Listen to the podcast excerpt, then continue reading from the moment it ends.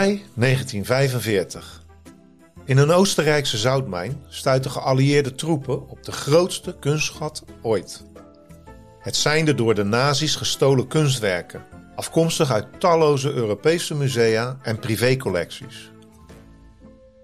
De strijdkrachten roepen de hulp in van kunstexperts om de schatten te identificeren en terug te brengen naar hun rechtmatige eigenaars.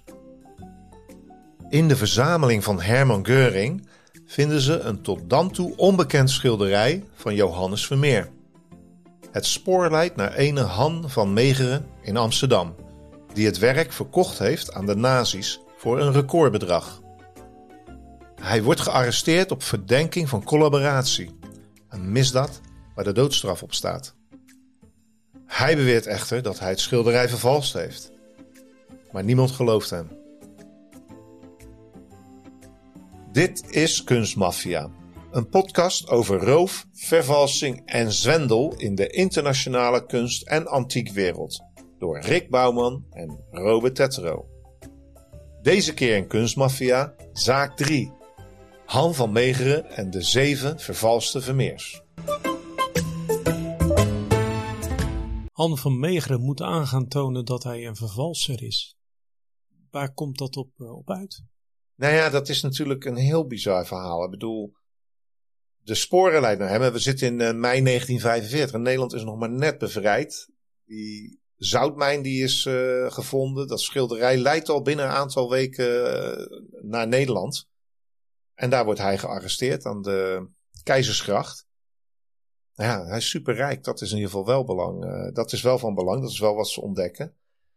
Maar hij wordt gearresteerd en hij moet zich verantwoorden. Want het is niet zomaar een schilderij wat hij verkocht heeft. Hij heeft een, een schilderij verkocht aan de tweede man van Nazi-Duitsland, Hermann Göring, de Rijksmarschal. Ja, en dan is het ook nog zo dat een Bredius een belangrijke rol speelt in heel dit verhaal. Ja, Abraham Bredius is een uh, kunstexpert van groot aanzien. En misschien wel belangrijkste op alle 17e eeuwse werken van uh, Vermeer in het bijzonder, maar ook van uh, Frans Hals en Rembrandt. En ja, die wordt dus als eerste erbij gehaald. Want ja, Van Megeren die zegt, het, uh, ik heb het vervals, de schilderij. Nou ja, wie je er dan bij haalt, is natuurlijk Bredius. En die verschijnt in de rechtszaal. maar niet alleen met dit schilderij, er komen meerdere schilderijen bij. Ja, want uh, alle schilderijen die, uh, die uh, Van Meegeren geschilderd heeft, die, die komen te hangen in, in de rechtszaal. En Bredius gaat een controle uitoefenen op, op de, ja, de, de, de emotiegangers. En ja, die komt tot de conclusie dat het gewoon een echt schilderij is. Ja, van Vermeer. Is een probleem voor Van Meegeren, want dat zou betekenen dat hij toch echt een collaborateur is.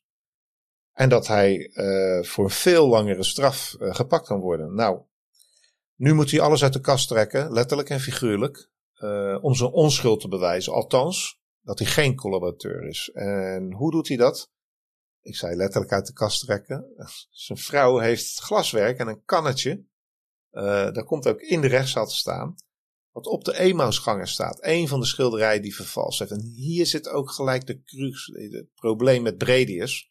Bredius heeft namelijk dit schilderij voor echt verklaard voor de oorlog. En dat is natuurlijk een reputatie voor zo'n man. Dus het is zijn woord tegen het andere. Dus ja, uh, Van Meegeren moet meer doen om het te bewijzen. Dus de rechter zegt, schilder er maar eentje na.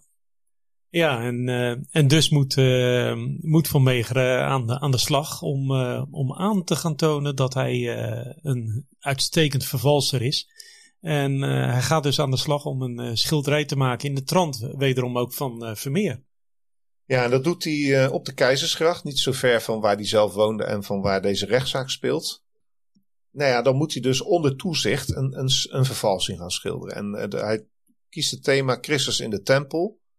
En nou, we kunnen misschien wel iets zeggen over hoe, hoe hij tot zijn vervalsing kwam. Althans, wat hij de rechter probeert te laten weten. Ja, uh, zijn manier van vervalsen was als volgt. Hij, uh, hij kocht altijd de oude schilderijen uit die tijd, uh, uit, de, uit de 18e eeuw, 17e eeuw.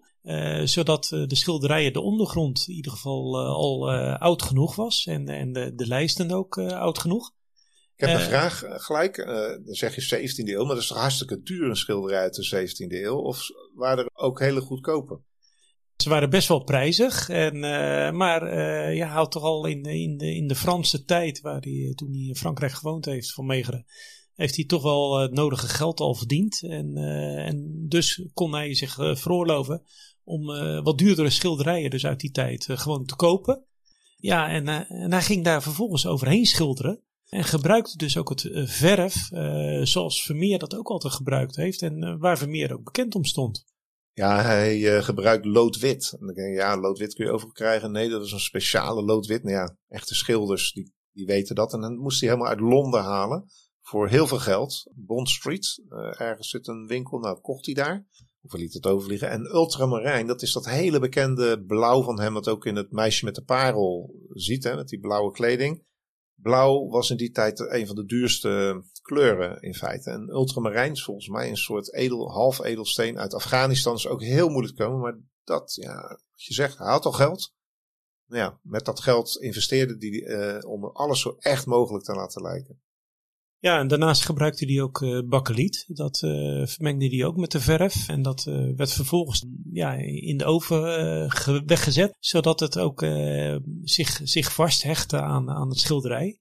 Waardoor het ook niet met penseel weer weg te werken was. Zodat Bredius, de kunstkenner, als hij ging checken, dat het, dat het erop bleef zitten. Ja, wat ik begrepen heb, is dat hij een soort van alcoholproef deed. En als je dus een vervalsing hebt gemaakt, dan met name de vernislaag, die laat dan los, omdat die heel vers is.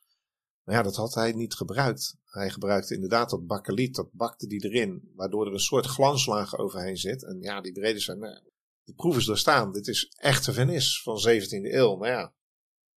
En natuurlijk, zijn, zijn reputatie was zo groot dat hij ook niet ja, weet je, daar kun je, kun je eh, overdenken. Dat hij dacht van Radius, het was zijn reputatie tegen de reputatie van en, en, en het, eh, de gevangenisstraf van, van Megeren. Ja, van Megeren heeft uiteindelijk ooit een keer Radius geprobeerd te bedonderen natuurlijk met dit uh, schilderij. En het lukte hem hier, alleen het werd wel gevaarlijk, want als hij veroordeeld wordt voor collaboratie, ja, dat, uh, dat wil je ook weer niet. Ja, want uh, de Emmausgangers is natuurlijk destijds al uh, verkocht voor de oorlog in, ja. in 1937. dat heeft, daar heeft hij toen, wat jij zegt, ook uh, Bredius eigenlijk voor misbruikt, om het zo maar te zeggen. Ja, het... En ja, die is als tussenschakel heeft hij gefungeerd richting het Boijmansmuseum. Want daar is het schilderij uiteindelijk beland en, en aanverkocht. Uh, voor een bedrag van ja, rond 600.000 gulden. Ja. ja, wat nu, nu miljoenen zou zijn. Precies. En, dat is uh, volgens mij een van de duurste schilderijen ooit aangekocht in die periode ook. Ja, en uh, nou ja, Bredius heeft daar een rol in vervuld destijds. En uh, ja, dat, dat, was voor Van Meegeren natuurlijk al een, al een overwinning op zich. Ja, het verhaal ging een beetje dat die Bredius, dat was dus ook een kunstcriticus.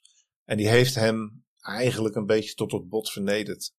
Door te zeggen dat het werk van Van Meegen, zijn echte werk, zijn eigen werk, gewoon goedkoop was, imitatie, uh, nou ja, niet vlijend in ieder geval. En hij min of meer ook, ja, misschien wel zijn toekomst een beetje gebroken. En dat zat uh, van Megeren ernstig dwars. Dus die kwam op het lumineuze idee om Bredius voor de oorlog al eigenlijk een nou ja, voor lapje te houden, zoals je in de oude kranten kunt lezen.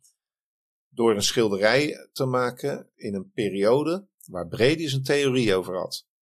Ja, en die eh, theorie was dat uh, Vermeer eigenlijk een, een soort uh, zwart gat heeft gehad in, in zijn tijdsperiode. Radius uh, gaf te kennen dat dat door Vermeer opgevuld is met schilderijen die bijbelse vertoningen aangaven. en ja, daar hakte Van Meegeren natuurlijk graag op in.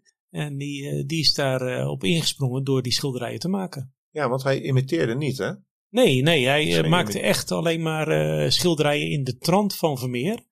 Dus uh, er is geen enkel schilderij gekopieerd, om het zo maar te zeggen. Het waren echt vervalsingen, maar dan wel in de trant van Vermeer. Ja, en had het zo gedaan dat het boek, of artikelen die Bredius hierover had geschreven, precies voldeden aan wat hij geschilderd had.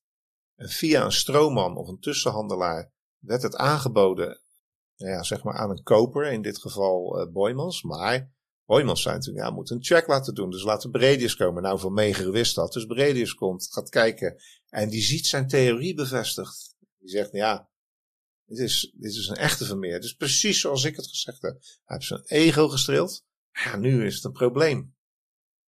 Ja, en in de, in de rechtszaal was dat natuurlijk wel een, uh, wel een dingetje allemaal. Uh, want het ging natuurlijk uh, ook om het schilderij wat, wat aan Geuring verkocht was. En ja, misschien kan jij daar nog iets over vertellen. Ja, kijk, het is, het is 1945. Nederland is net bevrijd. Verschrikkelijke periode. Horrorverhalen, daar hoeven we niet veel over te vertellen. Ja, en als deze man dan kunstwerk vanuit Nederland uh, verkocht heeft aan, aan uh, de nazi-top, ja, dat is collaboratie natuurlijk. Hè. Er werden natuurlijk heel veel werken gestolen van families, Joodse families. Goudsticker, het, komt vaak terug in dit verhaal. Uh, dus ja, dat stond naar de misdaad natuurlijk. Ja, en, en dat, dat schilderij is dus uh, ja, doorkeuring gekocht van, van, van Megeren, zonder dat hij dat wist. Want het werd als schilderij natuurlijk als een Vermeer verkocht. Daar gaat nu heel die rechtszaak over. Maar als we nou even terugkijken in de tijd, uh, wie was nou eigenlijk van Megeren? Ja, dat was al uh, eind 50 in de tijd dat hij gepakt werd en gearresteerd en in deze rechtszaak staat. Dus uh, hij is geboren ergens in laat 19e eeuw. En als kind is hij eigenlijk al heel erg getalenteerd in tekenen, schilderen, etsen. En een voorkeur voor de oude meesters. Ja, en dat is toch in een periode dat ja, ik ben geen kunstkenner in dat geval, maar de nieuwe stijl en, en, en dat soort uh, groepen die ja, toch moderne kunst gaat merken. Dat was hij inderdaad, liefhebber daarvan. Maar zijn vader had een hele andere mening daarover, want die vond het maar helemaal niets. Dus hij moest ook naar de technische school toe in eerste instantie. Nou, dat heeft hij uiteindelijk niet afgemaakt, want ja, daar voelde hij gewoon niets voor. Hij was gewoon schilder. Maar zijn vader gaf aan van ja, als jij uh, schilder gaat worden, dan wil ik dat jij strafregels op gaat stellen. Want, en dan moet je zeggen van ik ben niets, ik weet niets en ik kan niets. Ja, ja dat, dat zegt al wat natuurlijk. Psychologisch dingetje. Als hij betrapt werd op het tekenen en schilderen, dan uh, reageerde zijn vader op deze manier. Ik kan me ook wel voorstellen, zo'n hele strenge ouders in die tijd. Terwijl hij eigenlijk een creatief talent is. Maar ja, als je natuurlijk zo geschoffeerd wordt door je vader en zo wordt neergezet als ik kan, is en ja, sommige mensen krijgen daar een soort anti-opstandigheid tegenover. Dat hij misschien dacht, ik kan alles. Ik ben alles. En ik zal het aantonen ook. En ja, hij gaat wel naar die technische hogeschool. Hij studeert bouwkunde, maar hij maakt het niet af. Het is, hoe zeggen ze dat, bloedstroomt waar het niet gaan kan. Hij gaat toch zijn eigen weg. En nou ja, dat is er redelijk succesvol in, want hij verdient best wel wat geld. Maar hij wordt toch een beetje geridiculiseerd, wat we eerder hebben gezet, door mensen als Bredius. Van ja, hij is wel getalenteerd, maar het is geen origineel werker. Het is net niet net wat niet. het is enzovoort. Ja, er ontbreekt net iets aan, zeggen ze steeds. En ja, dat zit hem ongelooflijk dwars. En zo dwars dat hij, dat hij eigenlijk alleen maar ruzie krijgt met die, uh, met die uh, recensenten. En hij besluit dan ook uiteindelijk uh, te vertrekken en richting Parijs te gaan. Ja, en in Parijs is hij eigenlijk Kijk, in de rechtszaal zegt hij: ik, het ging slecht, ik, had, ik verdiende niks en daarom ben ik gaan vervalsen. Maar achteraf blijkt dat hij dan wel succesvol was. Hij deed portretten voor rijke mensen, want dat deed hij fantastisch goed. Um, dus hij kon er heel goed van leven. Hij was een van die schilders die gewoon succesvol was. Ja, want ik uh, begreep ook dat hij in Parijs, zeg maar, schilderde hij ook echt portretten van, van Engelsen en Amerikanen die daar, uh, ja. die daar vertoefden. Ja, dat waren natuurlijk wel de lui die ook, uh, ook de centen hadden. Dus wat dat betreft heeft hij in Parijs wel veel verdiend. En hij stond ook goed aangeschreven daar. Het zat hem wel dwars dat hij ja, dat aanzien niet, nog steeds niet in Nederland had. Nee, en ik denk dat dan natuurlijk dat hij voelde dat die recensenten en die Bredius en consorten hem natuurlijk uh, ja, zijn carrière eigenlijk onderuit hadden gehaald. Dus daar zat altijd een beetje pijn. Uiteindelijk uh, ja, gaat hij naar, uh, naar Zuid-Frankrijk. Ja, hij gaat door naar Zuid-Frankrijk. En ja, en dan toch, ik, ik heb gekeken tijdens het onderzoek dat ze hier een beetje naar deden, daar staat dan al een enorme villa. Dat bewijst ook wel dat hij geld had. Maar ja, is dat dan op te brengen van, van portretten en landschapjes. Ik betwijfel het. Dat is ook zo. Hij was eigenlijk al heel vroeg betrokken bij het vervalsen van werk. En de verhalen gaan dat al vanaf de tijd dat hij waarschijnlijk nog in Nederland zat, in de jaren twintig, al volop aan het vervalsen was. En daar eh, succesvol in was. Ja, alleen op één schilderij na. hij had ook een, uh, een, schilderij van Frans Hals. Uh, althans, in de trant van Frans Hals had hij geschilderd. En die was verkocht in Amerika. En uh, daar kwamen ze uh, achter uh, dat er iets aan dat schilderij niet klopte. Hmm, wat hebben ze gevonden dan? Nou, er zaten een paar ja, spijkertjes in die, die niet in de tijd van Frans Hals bestonden. maar die zaten wel onder de verflaag. maar, maar, die zaten onder de verflaag ja. aan de zijkant van de, van de schilderij. En ja, daar heeft hij toen wel van geleerd, want die heeft hij daarna nooit meer gebruikt. Nee, en, en kijk, maar in die tijd was er wel, had hij al wel een kring om zich heen van ja, een beetje een criminele kring. Die dus die schilderijen voor hem verkocht of, of aan liet bieden in, in andere gebieden. Valse schilderijen bracht hij op de markt eigenlijk. En, uh, maar hij nooit zelf direct naar de ontvangende partij gegaan. Hij maakte altijd gebruik van stroommannen, zodat hij zijn naam, uh, dat hij nooit verbonden werd met uh, de stukken die hij vervalst had en verkocht had. Nee, en uh, ja, dan zit hij in, uh, in Zuid-Frankrijk en uh, ja, daar begint eigenlijk het, het echte werk, waar hij later zo berucht, beroemd en bekend om geworden is. Ja, want hij gaat daar volop aan de slag met de oude meesters, die hij vervalt, zo onder dat stuk van Frans Hals. Maar goed, op een gegeven moment, redenen onbekend, jaren 37 ongeveer, besluit hij toch terug te keren naar Nederland. Ja, ietsje later. In, uh, hij besluit in, uh, in 39 uh, terug te keren.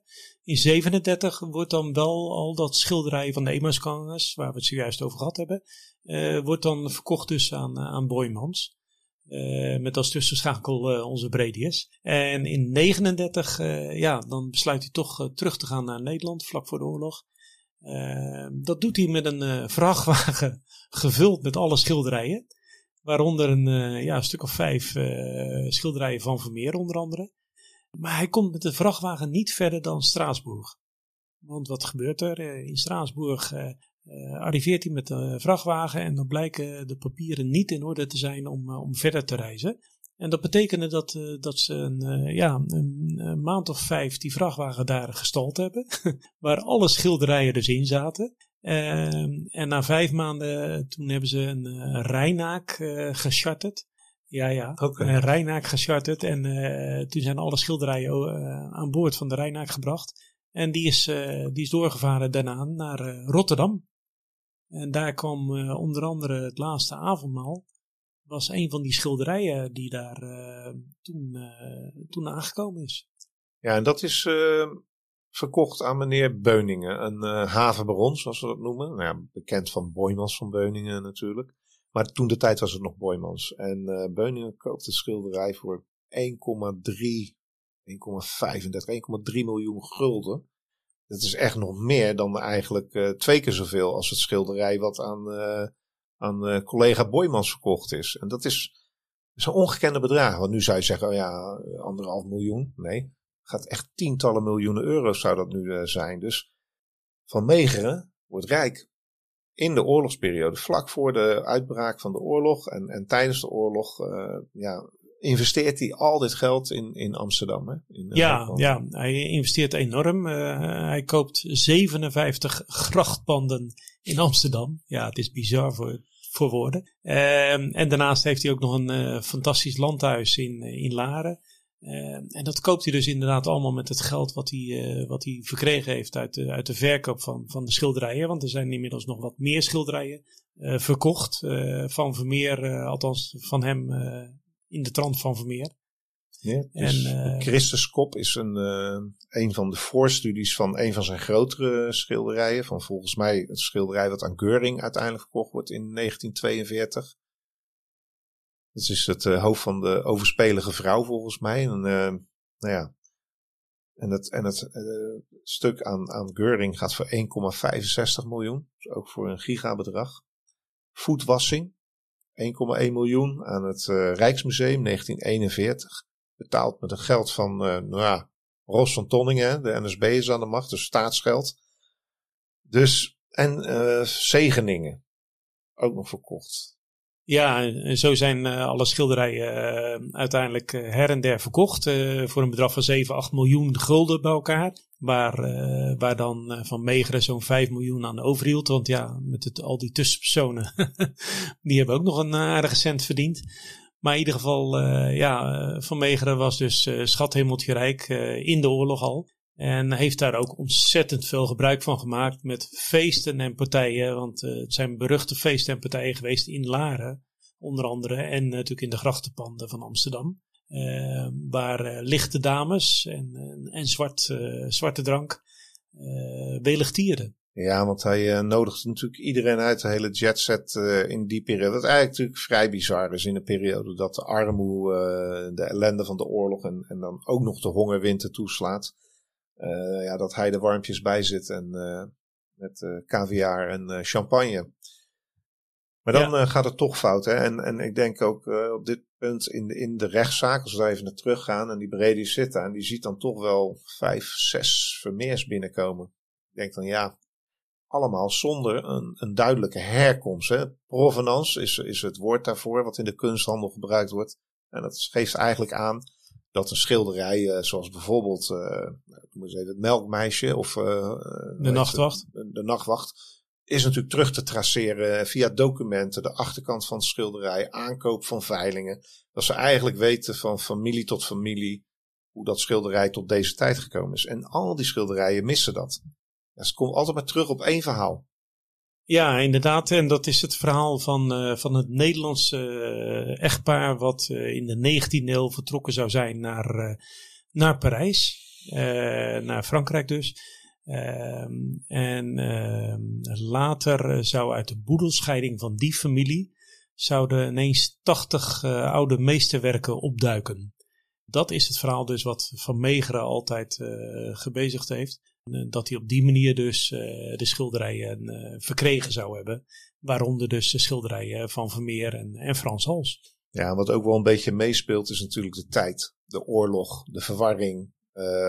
Mensen die afgevoerd worden, families die beroofd worden van hun kunstwerken. Dus als er hier en daar natuurlijk een onbekende meester opdook, dan werd dat ook nog wel. Ik dacht van ja, alles wordt omgekeerd zo ongeveer en gestolen en opnieuw komt in nieuwe handen terecht. Dus wat aanvankelijk niet opviel. Maar in deze rechtszaak moest natuurlijk ook Bredius uiteindelijk aangeven. Ja, zes, zes schilderijen zonder een duidelijke herkomst. Dat is natuurlijk te veel uh, en te toevallig. Uh, werken van Vermeer zijn al heel zeldzaam van zichzelf. Er zijn er maar een stuk of 30, 32 volgens mij. En ja, natuurlijk dat zevende schilderij, dat was inmiddels af. En dat kwam uh, naar binnen toe. En met dezelfde proef en alles wat ze eerder gedaan hadden. Ook hier leek het een echt schilderij. Ja, en het, leek echt op een eh, echte Vermeer, zoals die andere zes schilderijen daar ook hingen. Uh, dus ja, uh, Van Meegeren toonde op die manier wel aan dat hij in ieder geval een uh, meestervervalser was. Want uh, hij was in staat dus om, uh, om Bredius uh, ja, toch aan te tonen aan Bredius dat hij in staat was om een, een ja, misschien nog wel een mooiere Vermeer te maken als Vermeer zelf. Nou, volgens meneer Bredius de mooiste Vermeer ooit gemaakt. En ja, die man die is natuurlijk ook vernederd tot het bot. Die moest toegeven dat hij ernaast zat door zijn grote rivaal. Hè. Twee, twee rivalen eigenlijk tegenover elkaar. Maar wat we niet moeten overslaan, denk ik, in de krant was dit natuurlijk het nieuws van de dag. Gelijk na de oorlog. Dus het werd breed uitgemeten. En aanvankelijk startte die als, nou ja, charlatan, collaborateur en alles wat slecht was, was van Megeren. Maar zo tijdens dat proces, wat een aantal maanden duurde, werd hij eigenlijk een beetje een volksheld. Ja, en dat, dat kwam natuurlijk ook vanwege het feit dat hij uh, ja, een schilderij dus verkocht zou hebben aan Geuring wat een vervalsschilderij was. En uh, ze hadden Keuring dus ook een loer gedraaid. Ja, en dat werd natuurlijk uh, door het volk uh, werd dat, met groot gejuich ontvangen. Ja, had ze voor het lapje gehouden, stond met grote chocoladeletters in de krant. Ja, en toch ook wel de elite, de mannen als Bredius en de kopers van de, de mannen van het de rijke mensen die uh, in, in de raad zaten van, of de directeur waren van deze musea in Rotterdam en Amsterdam. Dus ja, al met al werd het eigenlijk een beetje een, een held. En ja, kunt je afvragen nu met, als je terugkijkt van, was het dan echt wel een held? Ik, ik, ik, ik weet het niet. Er was ook nog een boek, geloof ik, ooit richting Duitsland gegaan. Nou ja, dat, dat, is, dat is ook, ook iets. Hè. Ze hebben een boek teruggevonden met zijn eigen werk. Dus dat is, en dat is echt een, nou ja, flink boek met al zijn eigen kunst daarin. Die hij dus schijnbaar uitdeelde daar aan de nazi-top. Want in één boek heeft hij een opdracht geschreven aan mijn allerliefste vuur. Ja, het is, kun je zeggen van, nou, dan, dan ben je toch wel een beetje fout. En dat wisten de mensen natuurlijk niet in die tijd. Dus uh, dat is ontgaan, dat is later pas bekend geworden. Nou ja, hij spreekt wel tot de verbeelding. Er zijn recentelijk nog twee films van hem gemaakt. Hè? In, in, in 2016 uh, eh, Een Echte Vermeer, dat is een Nederlandse film. En De Laatste Vermeer, nou, ik weet niet of het ook de laatste film is, maar uh, dat is 2019 met Guy Pearce, die van meegespeeld. Dus het is, het is wel een, uh, nou ja, misschien toch nog wel een beetje een held van het volk. Nou ja, de kranten ja. noemden hem een genie. Uh, misschien is hij ook wel een genie, want het is toch vreemd, uh, Rick, als je de Emausgangers wordt gekocht door de directeur van het Boymans Museum. Bredius, de grootste kenner, die geeft aan, dit is het mooiste werk wat hij ooit. Ze noemde het volgens mij zelfs de nachtwacht van Rotterdam. En dan blijkt het een vervalsing te zijn. En dan is het ineens niks meer waard. Is het een prul? Is het, het is vreemd, hè? Het is perceptie in het hoofd van de mens. Uh, iets wat fantastisch is. En dan blijft van megeren te zijn. Nou, is het niks meer. Maar er zijn wel twee reputaties gebroken. Het is heel bizar. Dubbel. Bizar. dubbel. bizar. Um, ik wil ook nog even terugkomen op, eh, op de rechtszaak zelf natuurlijk. Want uh, ja, Van Megeren die moest natuurlijk aan gaan tonen ineens dat het schilderij door hem vervalst was. Uh, waarom moest hij dat doen? Nou, hij was bang dat hij, uh, ja, als hij uh, een echt schilderij van Vermeer verkocht zou hebben aan Keuring, dat hij dan eventueel de doodstraf zou krijgen. Ja. En de straf natuurlijk die hij zou krijgen voor, voor een vervalste verkoop. Ja, maximaal een, twee, jaar. twee jaar. Ja, ja en nou goed, dus uiteindelijk kwam natuurlijk de uitspraak.